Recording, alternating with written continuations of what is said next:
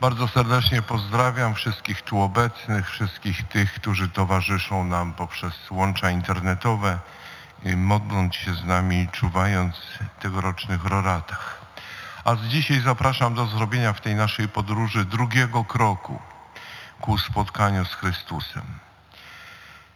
I w tegorocznej naszej podróży do Emaus dzisiejsza Ewangelia, którą przed chwilą słyszeliśmy, odkrywa przed nami bardzo istotną, zasadniczą prawdę dotyczącą uczestniczenia, naszego uczestniczenia we mszy świętej.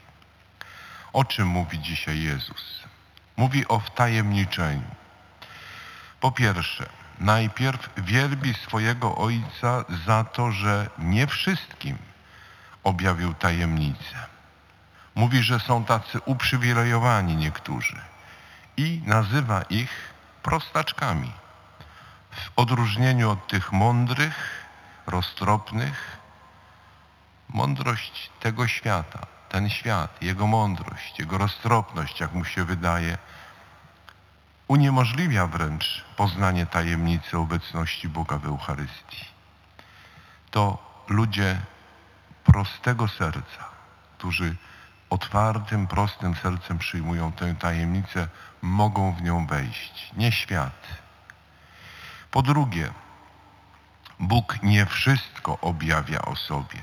Są tajemnice zarezerwowane tylko Bogu, bo Bóg jest tajemnicą. Nikt nie zna Syna, tylko Ojciec. I ten, komu Syn zechce objawić. I po trzecie, jeżeli należysz do prostaczków, prostaczkowie to nie prostacy, uwaga. Jeżeli należysz do prostaczków, czyli masz czyste, proste serce, to jesteś szczęśliwy, bo Bóg Cię uprzywilejował, odsłaniając część swojej tajemnicy. I to, że tu jesteś, to znaczy, że masz takie serce. Jak to się przekłada na naszą obecność na mszy świętej? Otóż tak, po pierwsze, Twoja msza święta, w której uczestniczysz, zaczyna się, uwaga, z chwilą, kiedy się obudzisz. Wstajesz, myjesz się, ubierasz, bo zaplanowałeś, zaplanowałaś w tym dniu być na Eucharystii, na mszy świętej. To nie jest przypadek. Dokładnie zaplanowałeś, zaplanowałaś być dzisiaj w Kościele na mszy świętej, bo Jezus wzywa, to czyńcie na moją pamiątkę, ja tam idę. Wstaję po to, ubieram się po to, myję się po to i wyruszam. Po drugie, kiedy zamykasz za sobą drzwi swojego domu, spróbuj sobie uświadomić, że zamykasz się, zamykasz to wszystko, co doczesne. Zamykasz kolejny etap swojego życia i z tym bagażem doświadczenia swojego życia wyruszasz w drogę ku innym drzwiom, za którymi kryje się prawdziwe ciało i krew tego, który mówi, tego, który mówi, ja jestem drogą, prawdą i ja jestem życiem. Więc niech te słowa brzmią w Twoim sercu, gdy się wybierasz do kościoła, gdy idziesz do kościoła, gdy zamykasz drzwi swojego domu, schodzisz po schodach, czy wychodzisz na ulicę. Jezus mówi, ja jestem drogą, prawdą i życiem. Bo nie zawsze, nie zawsze łatwo tam iść do kościoła. Tyle rzeczy może się wydawać ważniejszych i takie będą. Będą, jeśli całość naszego życia będziemy wiązać tylko z doczesnością, ze sprawami, które musimy załatwić. No ale wtedy logika właśnie i mądrość tego świata, używając sformułowania użytego przez Jezusa w dzisiejszej Ewangelii, mówi, ta logika świata będzie ci mówić, że śmierć jest końcem. Ale jeśli jest szansa na życie po śmierci, a Jezus wyraźnie to mówi, kto spożywa moje ciało i pije moją krew, ma życie wieczne, a ja go wskrzeszę w dniu ostatecznym. Jeżeli jest taka szansa, to dojście do drzwi Kościoła jest warte każdego wysiłku. Wysiłku, jaki muszę podjąć y, idąc na mszę świętą.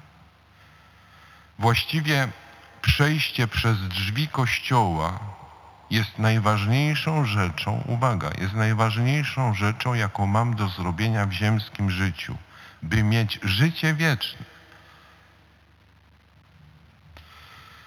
Po trzecie, zatem msza święta rozpoczyna się dla Ciebie od momentu naciśnięcia klamki drzwi kościoła, wejścia do wewnątrz.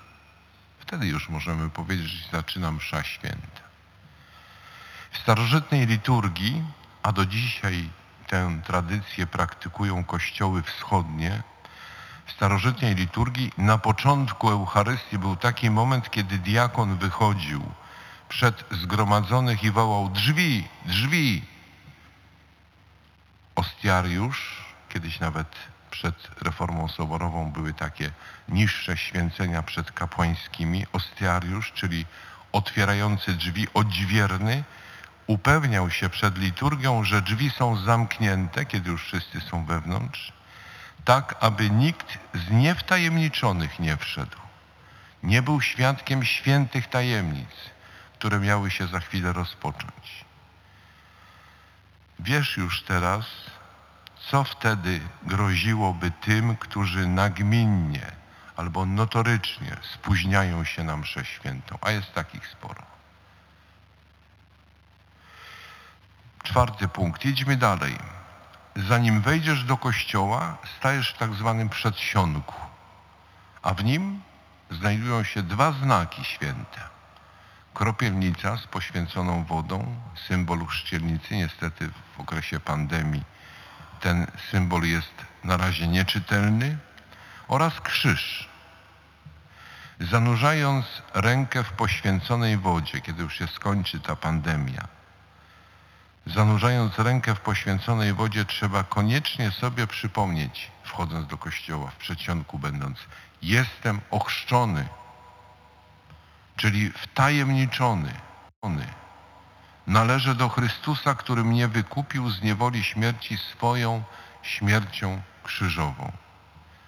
Czynię więc na sobie pobożny znak krzyża i patrzę na krzyż.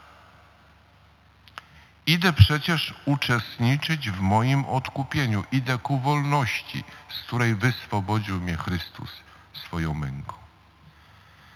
Ta poświęcona woda w przedsionku jest jakby biletem wstępu.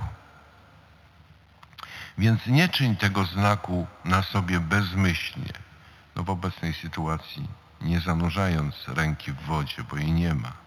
Ale zrób ten znak ze czcią, świadomością wdzięcznością.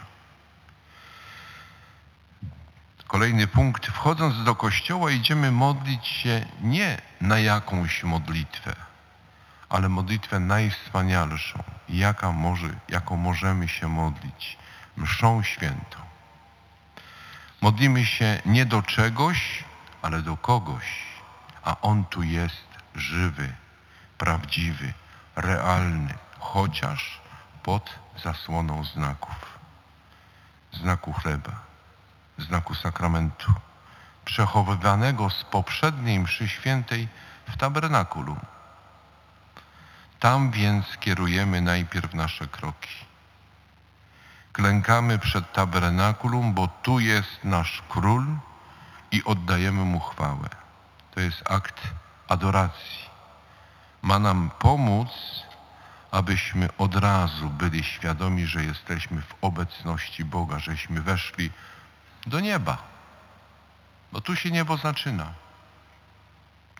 Klękamy przed tabernakulum, a przechodząc przed ołtarzem, czynimy jedynie głęboki ukłon.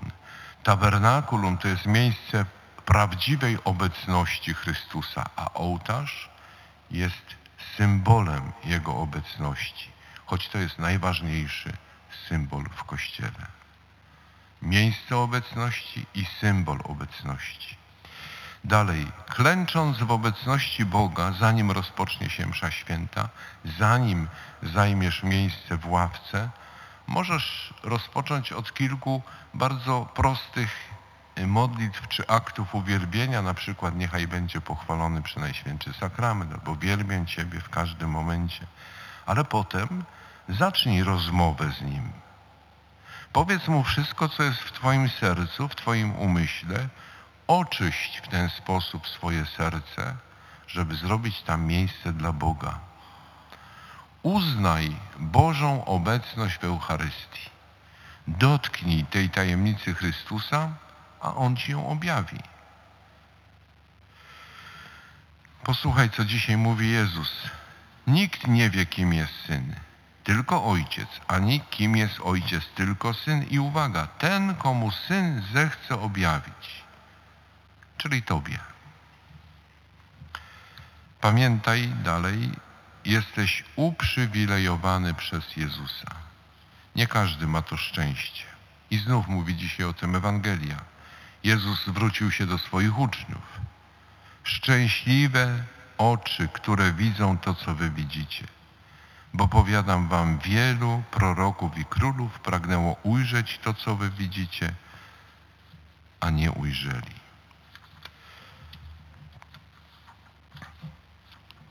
I kolejny jakby etap dzisiejszej wędrówki to są dwie rady.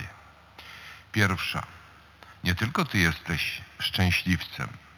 Są także inni, którzy też przyszli na mszę świętą i też adorują, modlą się, przygotowują się do najważniejszej chwili dnia, czyli do mszy świętej.